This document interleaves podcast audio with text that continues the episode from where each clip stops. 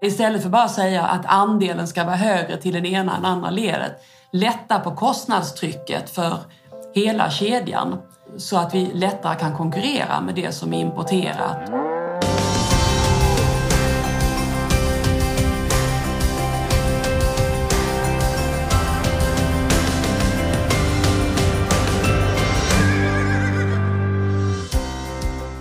Livsmedelshandeln har från flera olika håll fått hård kritik för att matpriserna skulle ha höjts mer än vad som är motiverat. Det avfärdar Karin Brynell, som är VD för organisationen Svensk dagligvaruhandel, där alla de stora matkedjorna är medlemmar. I Lantbrukspodden efterlyser hon mindre regelkrångel i hela livsmedelskedjan och politiker som visar större förståelse för branschens villkor. Att tala om dålig konkurrens bygger mer på känslor än på fakta, säger hon.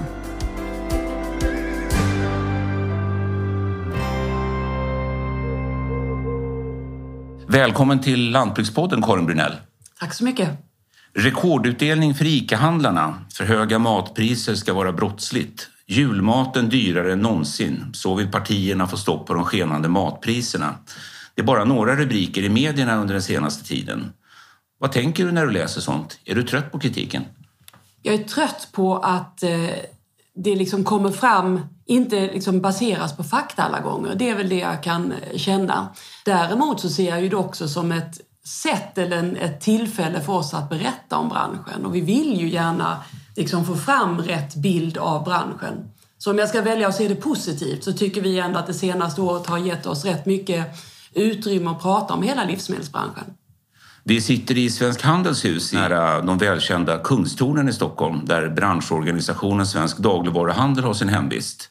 Du är VD för Svensk dagligvaruhandel sedan 2014. Berätta, vad arbetar organisationen med och vilka är medlemmarna? Svensk dagligvaruhandel är då branschorganisation för bara dagligvaruhandeln och då är det ICA, Coop, Axfood, Citygross och Lidl som är våra medlemsföretag. Vi är helt fristående från Svensk Handel även om vi ju samarbetar i många frågor. Och vi jobbar ju med allehanda konkurrensneutrala frågor för branschen. Eh, det kan vara olika hållbarhetsåtaganden, det kan vara eh, olika lagstiftningsfrågor där vi känner att vi kan spela en roll eller förenkla eller förbättra för branschen. Vi äger ju också en rad bolag.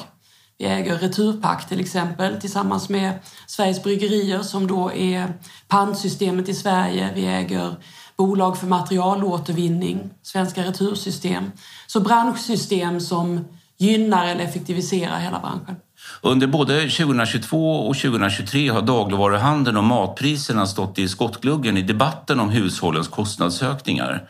Varför har matpriserna i Sverige stigit så kraftigt? Det finns ju en rad orsaker och eh, om man ser nu liksom över flera års sikt så har det varit rätt många år som inte har varit helt normala. Om vi då börjar först med pandemin så var det ju problem med transportvägarna. Eh, du fick en väldigt stor efterfrågan och en stor del av eh, konsumtionen som förflyttade sig från restaurang till dagligvaruhandeln. Så det var ju en, en helt annan situation för dagligvaruhandeln under pandemin. Men där man ändå faktiskt lyckades att förse butikerna med allt som behövdes. Sen har det ju efter det varit oroligheter på alla håll. Alltså kriget i Ukraina som fortfarande pågår. Och Ukraina är en stor livsmedelsexportör. Även om inte vi Eh, i Sverige importerar så mycket direkt från Ukraina så påverkar det ju världsmarknadspriserna. Energipriserna påverkar inte bara transporter utan även produktion.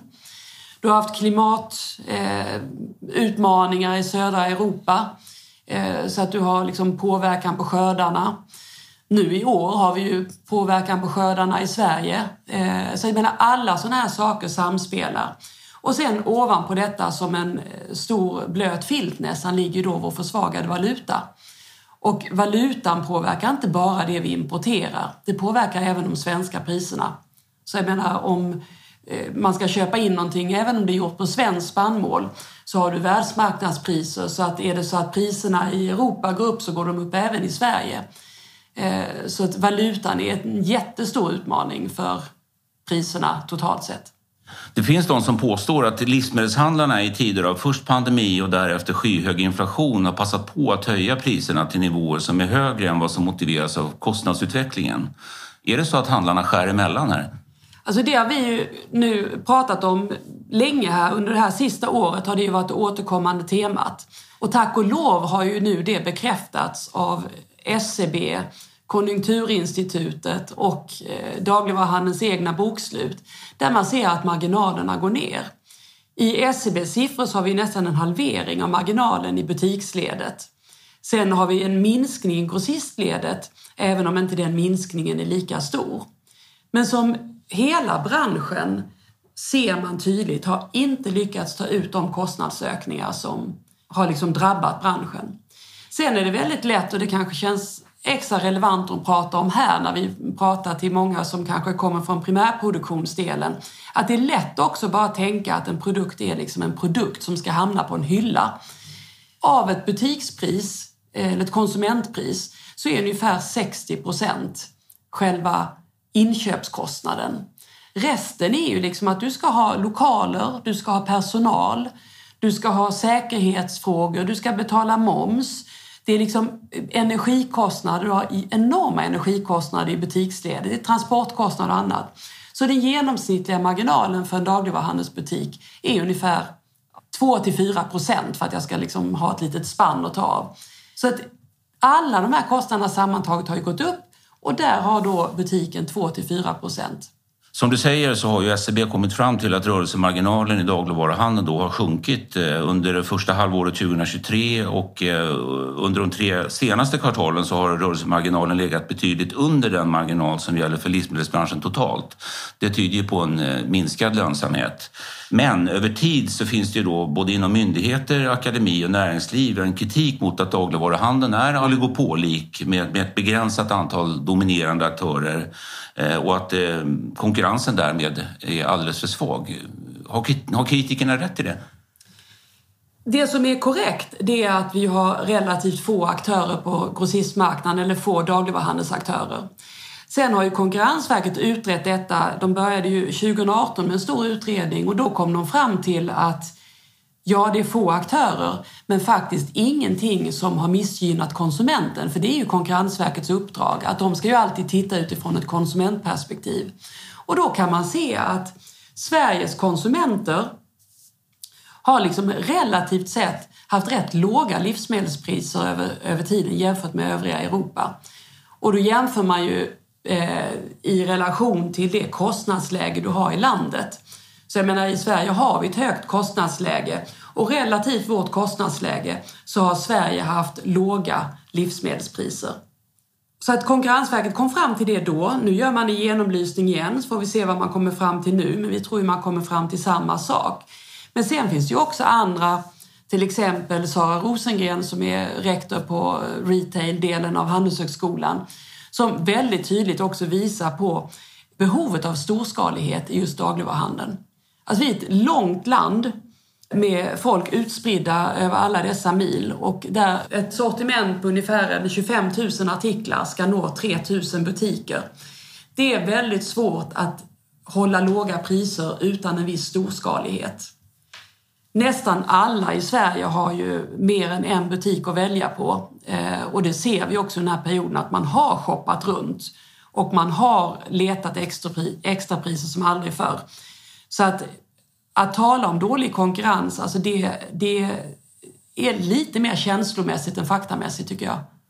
Men samtidigt som du nämner, Konkurrensverket arbetar ju nu med ännu en genomlysning av livsmedelsbranschen. Man har gjort flera tidigare och eh, under 2023 så kom man ju bland annat då fram till att eh, Eh, det finns ett antal hinder mot att konkurrensutsätta dagligvarukedjorna.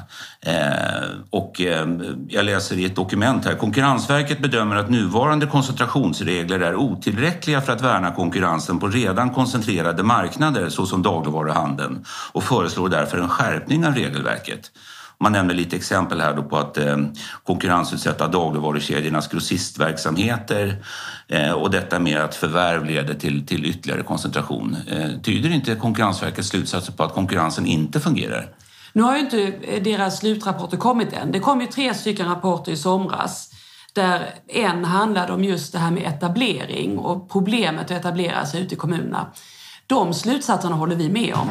Och det har vi också eh, drivit på och nu försöker få ut det budskapet att faktiskt kommunerna ibland hindrar dagligvaruhandelsaktörer från att etablera sig. Det är väldigt svårt, det är långa tillståndsprocesser, det är svårt att ändra etableringsregler, det kräver nog till och med en förändring i bygg och plan, eh, vad heter det, plan och bygglagen eh, för att göra det enklare att kunna etablera sig i centrum. Så den håller vi med om.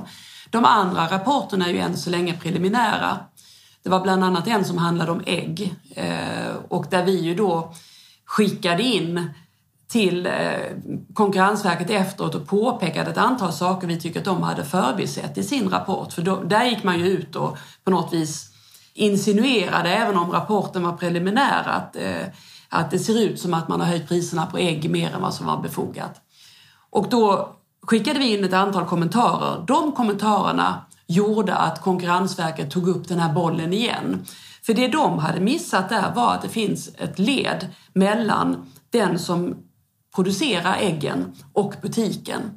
Och dessutom hade de överhuvudtaget inte kommenterat att de har tittat på prishöjningar under ett år där vi har haft är det två utbrott av salmonella och fågelinfluensa.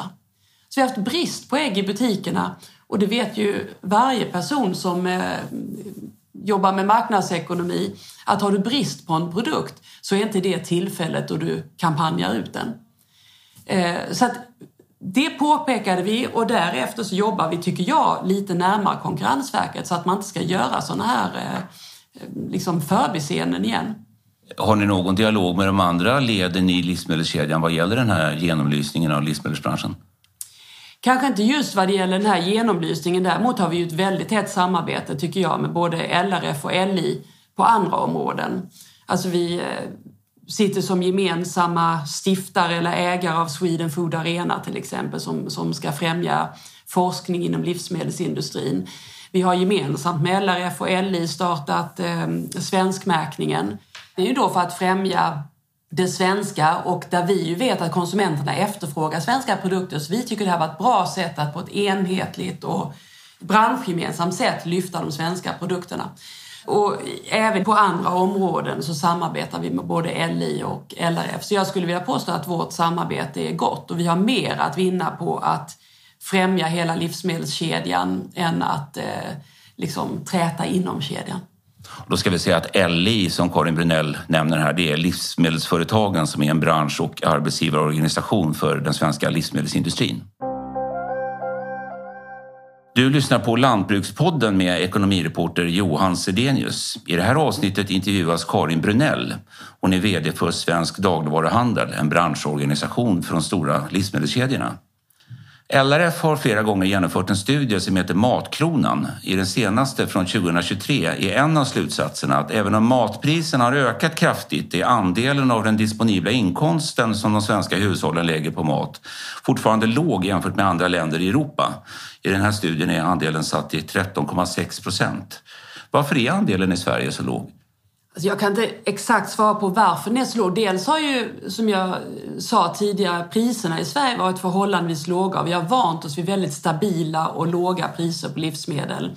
Så att hushållen har ju på något vis byggt upp sin ekonomi på det. Vi lägger ju förhållandevis mycket på boende. Nu när vi har haft den här inflationen, framför allt de ökade räntorna, så har ju det här blivit ännu tydligare att, att eh, boendekostnaden för de som äger sitt boende har ju gått upp rätt kraftigt och då är det, det är ju lättare att kanske minska på sin konsumtion än att flytta. Sen ska man veta med alla sådana här genomsnitt också att genomsnitt är ju precis vad de är. Det finns de som har det på ett sätt och de som har det på ett helt annat sätt. Och det är klart att för en låginkomsttagare så är ju andelen de lägger på mat mycket högre än för en höginkomsttagare. Och det är ju därför det har varit så ansträngt nu under den här perioden när priserna går upp. Och det har vi ju eh, all förståelse för hur ansträngt det är för hushållen. Och det ser vi också så tydligt i konsumtionen att man har inte råd med samma produkter som tidigare. Och vad har handeln gjort med den här förståelsen för att det finns hushåll som har haft det svårt att få ihop det? Har man vidtagit några åtgärder för det? Alltså inga branschgemensamma, för vi har ju inte den typen av samarbete som är kommersiellt utan det är ju, där är det ju precis det som vi pratade om tidigare, konkurrensen som gör att om man nu slåss som en konsument med mindre pengar då måste du slåss med annat. Om du tidigare slogs om att du hade absolut eh, finaste delikatessdisken så kanske inte det är det folk letar efter så mycket nu utan nu blir det ju då återigen mycket pris, att man lockar med bästa priserna. Och den konkurrensen gör att butikerna liksom försöker att framhålla att vi har de bästa priserna och bästa erbjudandena. Och det är det konsumenten letar efter. Och vi ser tydligt hur man liksom går från helt kött till köttfärs eller det är från kycklingfilé till kycklingben och så. Tyvärr så ser vi då också att man eh, kanske minskar på hållbara val. Frukt och grönt går ner, för det kanske inte är det du liksom mättar dig med i första hand. Ekologiskt går ner. Vi vet fortsatt att konsumenter i Sverige efterfrågar mycket svenskt, men det är klart det skulle vara en oroande trend om man inte känner att man har råd att prioritera eh, svenska produkter. För dagligvaruhandeln har ju satsat otroligt mycket på svenskt. Jag tror alltså på kyckling och färskt kött och annat så är ju det övervägande svenskt och även på mejeri i dagligvaruhandeln. Åter till eh, undersökningen Matkronan Eh, som visar att fördelningen eh, av köpesumman totalt eh, innebär att 10 procent hamnar hos bonden. Staten får ungefär lika mycket, eller 11 procent, via momsen. Industrin får 24 procent och handeln 33 procent. Och sen till det kommer då importen som får 20 procent. Men handeln får tre gånger så mycket som, som bonden av eh, den totala köpesumman. Är det, är det här en rimlig fördelning tycker du? Alltså jag är glad att den här frågan kommer upp för vi har ofta pratat om den att vi tycker att den är lite missvisande när man uttrycker det på det sättet. Det här är ju då en matkrona som bygger på det totala sortimentet. Om man läser vidare på LRFs hemsida så kan man också se, om vi då tittar på svenska råvaror, alltså sådana produkter som kommer från Sverige, hur mycket får bonden då? Och då är det ju det dubbla. Och det är ju inte konstigt att en svensk bonde inte får någonting om det är kaffe från Brasilien. Utan då är det den brasilianska bonden som får någonting. Så att om vi tittar på svenska produkter så får bonden istället 23 procent enligt deras senaste mätning. Och ju mindre förädlad produkten är, desto mer får bonden. Så nu tittar jag återigen från LRFs egen hemsida. På ägg får man 48 procent, på nötkött 44 men däremot om du skulle ta en, en eh, färdigrätt eh, lasagne eller någonting som innehåller svenskt nöt, då är det klart att då måste ju en del gå till den som producerar lasagnen också. Och då blir det en mindre andel till, till bonden. Så att vi, vi har ju själv någonting vi kallar butikshundringen för vi tycker också det är intressant att visa en allmänhet eller branschen vad händer med den hundralappen jag lägger på i kassan? Eh, och där är då som jag sa tidigare, så ungefär 60 procent går till inköp och det andra är resten. Men på samma sätt med matkronan så tycker vi kanske att det vore klokare att visa den för svenska produkter bara. Och då är det 23 procent. Men behöver inte bondens andel av matkronan öka om Sverige ska leva upp till målen i livsmedelsstrategin om ökad produktion och för att stärka landets livsmedelsberedskap? Alltså generellt är det extremt viktigt för Sverige att vi har en livskraftig livsmedelsindustri totalt sett. Så att därför är vi ju väldigt engagerade också i, som jag sa, Sweden Food Arena. Vi tycker det är viktigt att den här nya livsmedelsstrategin kommer till eh, på plats och att den verkligen fokuserar på hur stärker vi vår kedja. Vi jobbar ju inte med exporten på det sättet, alltså vi är ju svenska per definition. Men däremot så kan vi ju tycka det är viktigt att livsmedelsindustrin i Sverige lyckas exportera, för det skulle ju vara dels ett bevis för att man är konkurrenskraftig och det skulle också bygga en storskalighet så att man bättre konkurrerar på hemmamarknaden. Så att vi hoppas liksom på eh, en förståelse för livsmedelsbranschens förutsättningar och en av de saker som jag tror alla tre led i kedjan eh, skulle önska det är ju det här med minskade regelbördan. Så men istället för bara att säga att andelen ska vara högre till den ena än andra ledet, lätta på kostnadstrycket för hela kedjan så att vi lättare kan konkurrera med det som är importerat och det som är liksom, att premiumprodukterna också får en lägre kostnadsbild. Vi ska återkomma till regler och eh, regelkrångel, men först vill jag fråga hur viktig är den svenska bonden för svensk dagligvaruhandel? Jätteviktig. Naturligtvis. Eh, och jag menar, dagligvaruhandeln var ju en av initiativtagarna i svenskmärkningen. Bara av det skälet att vi vet att konsumenterna efterfrågar svenskt. Eh, ibland kunde man se att kanske inte till och med det svenska ibland räckte till. Så det är ett sätt att verkligen verka för att den svenska bonden finns kvar. Så att jätteviktigt är det korta svaret. Du nämnde den nationella livsmedelsstrategin. Där pågår ju nu ett stort arbete med att eh, uppdatera densamma. Ett stort omtag. Vilka förhoppningar knyter du till, till den nya versionen av livsmedelsstrategin? Så som den var skriven tidigare var det de här tre delarna som var konsument och marknad och regelförenklingar och forskning och innovation. Vi tycker då att det här benet, och nu har de lagt till ett fjärde ben som heter beredskap och försörjningsförmåga. Vi tycker då att det här eh, ena av de fyra benen, regelförenklingar, fick för lite, lite för lite uppmärksamhet i den senaste versionen och även när man har gått vidare och jobbat med det så det är väl vår förhoppning att det kanske äntligen skulle kunna få lite mer utrymme. Eh, för det är lätt att bara prata om konkurrenskraft men det är svårt liksom att åstadkomma det om inte man samtidigt eh, ger förutsättningarna. Och det gäller alla tre led i kedjan. Vilka förutsättningar är det du vill se på plats för att åstadkomma det här? LRF har säkert en, en lång, det vet jag att de har en lång rad grejer de tycker, men en av de saker vi känner inom dagligvaruhandeln är ju all tillsyn som sker i butik. En enskild butik har, jag tror vi räknade fram till om det var 20 eller 22 olika kontrollpunkter och tillsynssaker eh, som ska göra. Det är allt från eh, tobak till läkemedel till eh, vissa livsmedels... Det, alltså det finns 20 stycken olika såna kontroller och varje sak av dem kostar pengar. En riktigt stor butik kan säkert hantera det här någorlunda för de har lite större resurser. Men du har exakt samma kontrollpunkter för en liten butik där du har, eh, som kanske drivs av en familj där, där familjemedlemmarna sitter i allt från kassan till att lasta ur och beställer och där du inte har möjlighet att kanske hantera alla de här sakerna. Eh, och man är dessutom kanske rädd för att göra fel och, och få sanktionsavgifter. Och det, eh, så att alla de kontrollerna tycker vi i kombination med hur olikt det är mellan olika kommuner. Vi har 290 kommuner, i princip har du liksom eh, företrädesrätt i kommunen och tolka den här lagstiftningen. Och det säger sig själv att i en liten kommun har du inte möjlighet att sätta dig in i allting och då kan det lätt bli olika.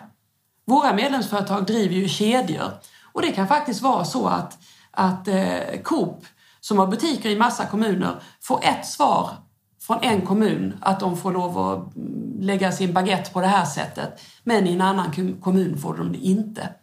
Alltså det är inte effektivt. Svensk dagligvaruhandel arrangerade i december ett webbinarium där bland andra nationalekonomen Stefan Fölster deltog. Han konstaterar i en färsk studie att eh, onödiga regler och regelkrångel kostar handeln stora pengar och att det här slår mot eh, priserna priserna på hyllorna. Eh, motsvarande problem med regler och regelkrångel finns ju även i lantbruket. Vilka förhoppningar har du på positiva förändringar på regelområdet för, för livsmedelskedjan som helhet? Alltså nu etablerar man ju det här regelförenklingsrådet och vi har ju naturligtvis skickat in redan eh, vad vi tycker att man borde börja titta på. Eh, även i livsmedelsstrategin så kommer det här ju komma upp. Alltså jag, vi måste ju liksom ändå eh, bibehålla någon sorts positiv och optimistisk eh, inställning. Eh, att det man spelar in eller att det faktiskt finns möjlighet att förenkla. Och jag tycker framförallt det här med eh, hur det blir olika bedömt i olika kommuner. Det borde inte vara så svårt.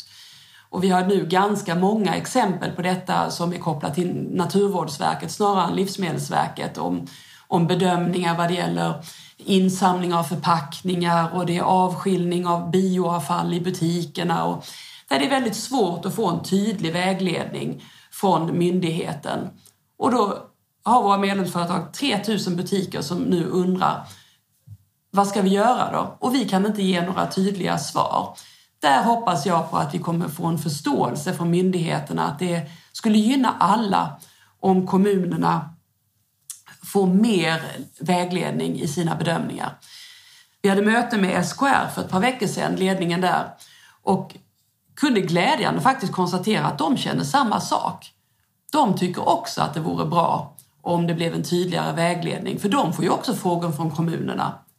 om vi har som utgångsläge att alla vill göra rätt eh, så, så skulle det nog välkomnas liksom, av kommunerna, av oss, av butikerna, att, liksom, att det görs på ett likvärdigt sätt. En annan person som deltog i det här webbinariet som jag nämnde det var eh, grisproducenten Jeanette Elander från Västerås.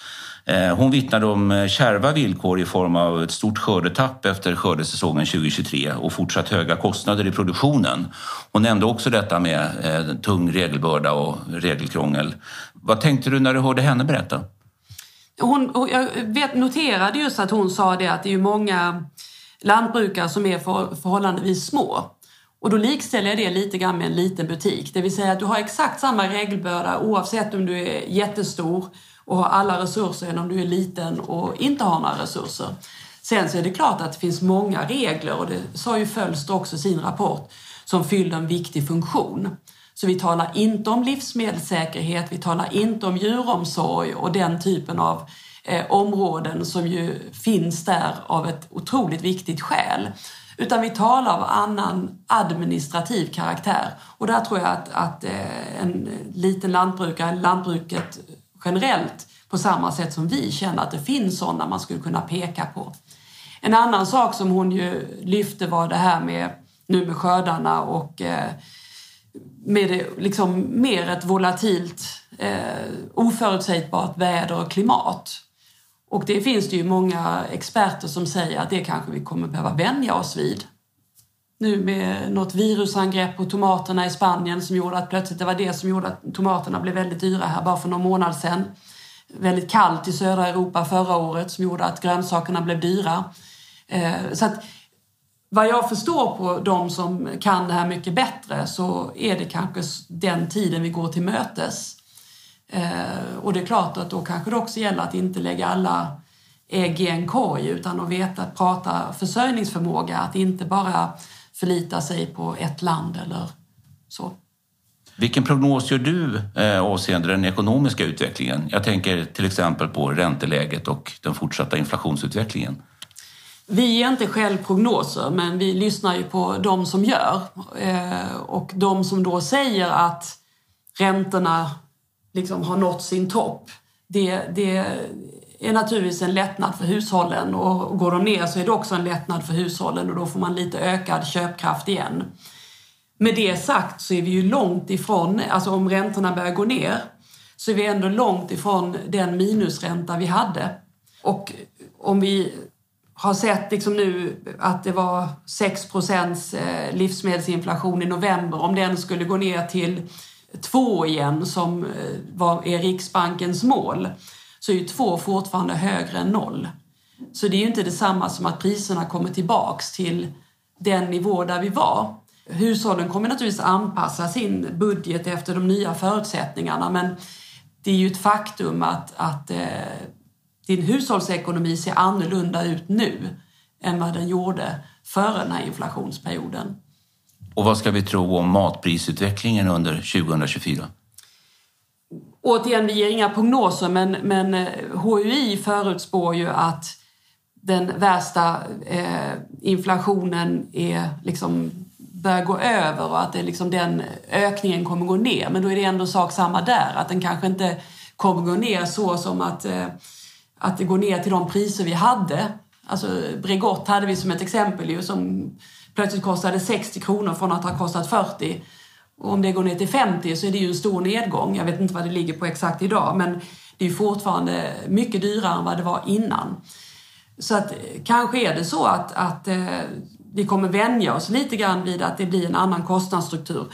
Redan nu i november kunde vi ju se att det hade ju stabiliserat sig lite, att konsumtionen och inflationen var ungefär som man handlar ungefär likadant nu som för ett år sedan. Så att det är kanske det vi ser framåt. Sen finns det också, räntorna har inte bara betydelse för hushållen utan även för företagen. Primärproduktion såväl som industri som, som handel så är det klart att kostnader i hela kedjan blir också lite lättare om det är så att man eh, kommer ner i räntor. Blir det några förändringar i konsumtionsmönstren om det ekonomiska trycket på hushållen avtar? Ja, alltså på samma sätt som att vi extremt tydligt har kunnat se en förändring nu när du har fått försämrad köpkraft så får man väl tro och hoppas att en ökad köpkraft lättar på det trycket. Men precis som jag sa, att vi är ju långt ifrån det läge där vi var. Jag hörde någon som, som sa att, att vi har ju levt liksom i en högkonjunktur eller en konsument, hushållen har ju haft relativt gott ställt med all respekt för de som inte känner så just nu. Eh, så att det är ju ett nytt läge. Så att jag, jag tror att, att man kanske vänjer sig och man anpassar sig. Jag tror att sällanköpshandeln har ju kanske haft det ännu tuffare än dagligvaruhandeln. För att det är saker som du möjligtvis kan låta bli att köpa. Mat måste du på ett eller annat sätt köpa ändå. Så det är ju ändå positivt för oss som befinner oss i livsmedelsbranschen att vi vet att mat måste du fortsätta köpa. Vi vet att den svenska konsumenten gärna vill köpa svenskt och det finns liksom en lokal karaktär. att eh, Du har en låg andel som är e-handel för att du liksom har dina butiker nära och du vill kunna köpa liksom nära dig. Så på det sättet kan man väl ändå säga att vi befinner oss i eh, lite så här positiv bransch trots allt. Om du får önska dig något av det nya året 2024 för livsmedelsbranschens del, vad, vad skulle det vara? Jag skulle önska en, ehm, att politiker visade en ökad förståelse för hela branschen. Eh, att man inte så snabbt drar slutsatser och ibland är det nästan som att man lägger fakta på bordet och det behöver inte ens komma från oss för jag förstår att man tycker att vi är parter i målet men om, om SCB eller någon annan lägger fakta på bordet och så är det nästintill så att man känner att en politiker läser detta och säger jag hör vad du säger men något är det. Tack för din medverkan Karin Brynell. Tack så mycket. Du har hört Karin Brynell, VD för organisationen Svensk dagligvaruhandel tycka till om matpriser och regelkrångel. Det här avsnittet är gjort av Johan Sedenius. Sam Segerblom har klippt och jag som har producerat heter Maria Gramer. Har du synpunkter eller förslag på ämnen och gäster till podden? Maila oss på lantbrukspodden landlantbruk.se. Lantbrukspodden görs av Land Lantbruks redaktion som är en del av LRF Media.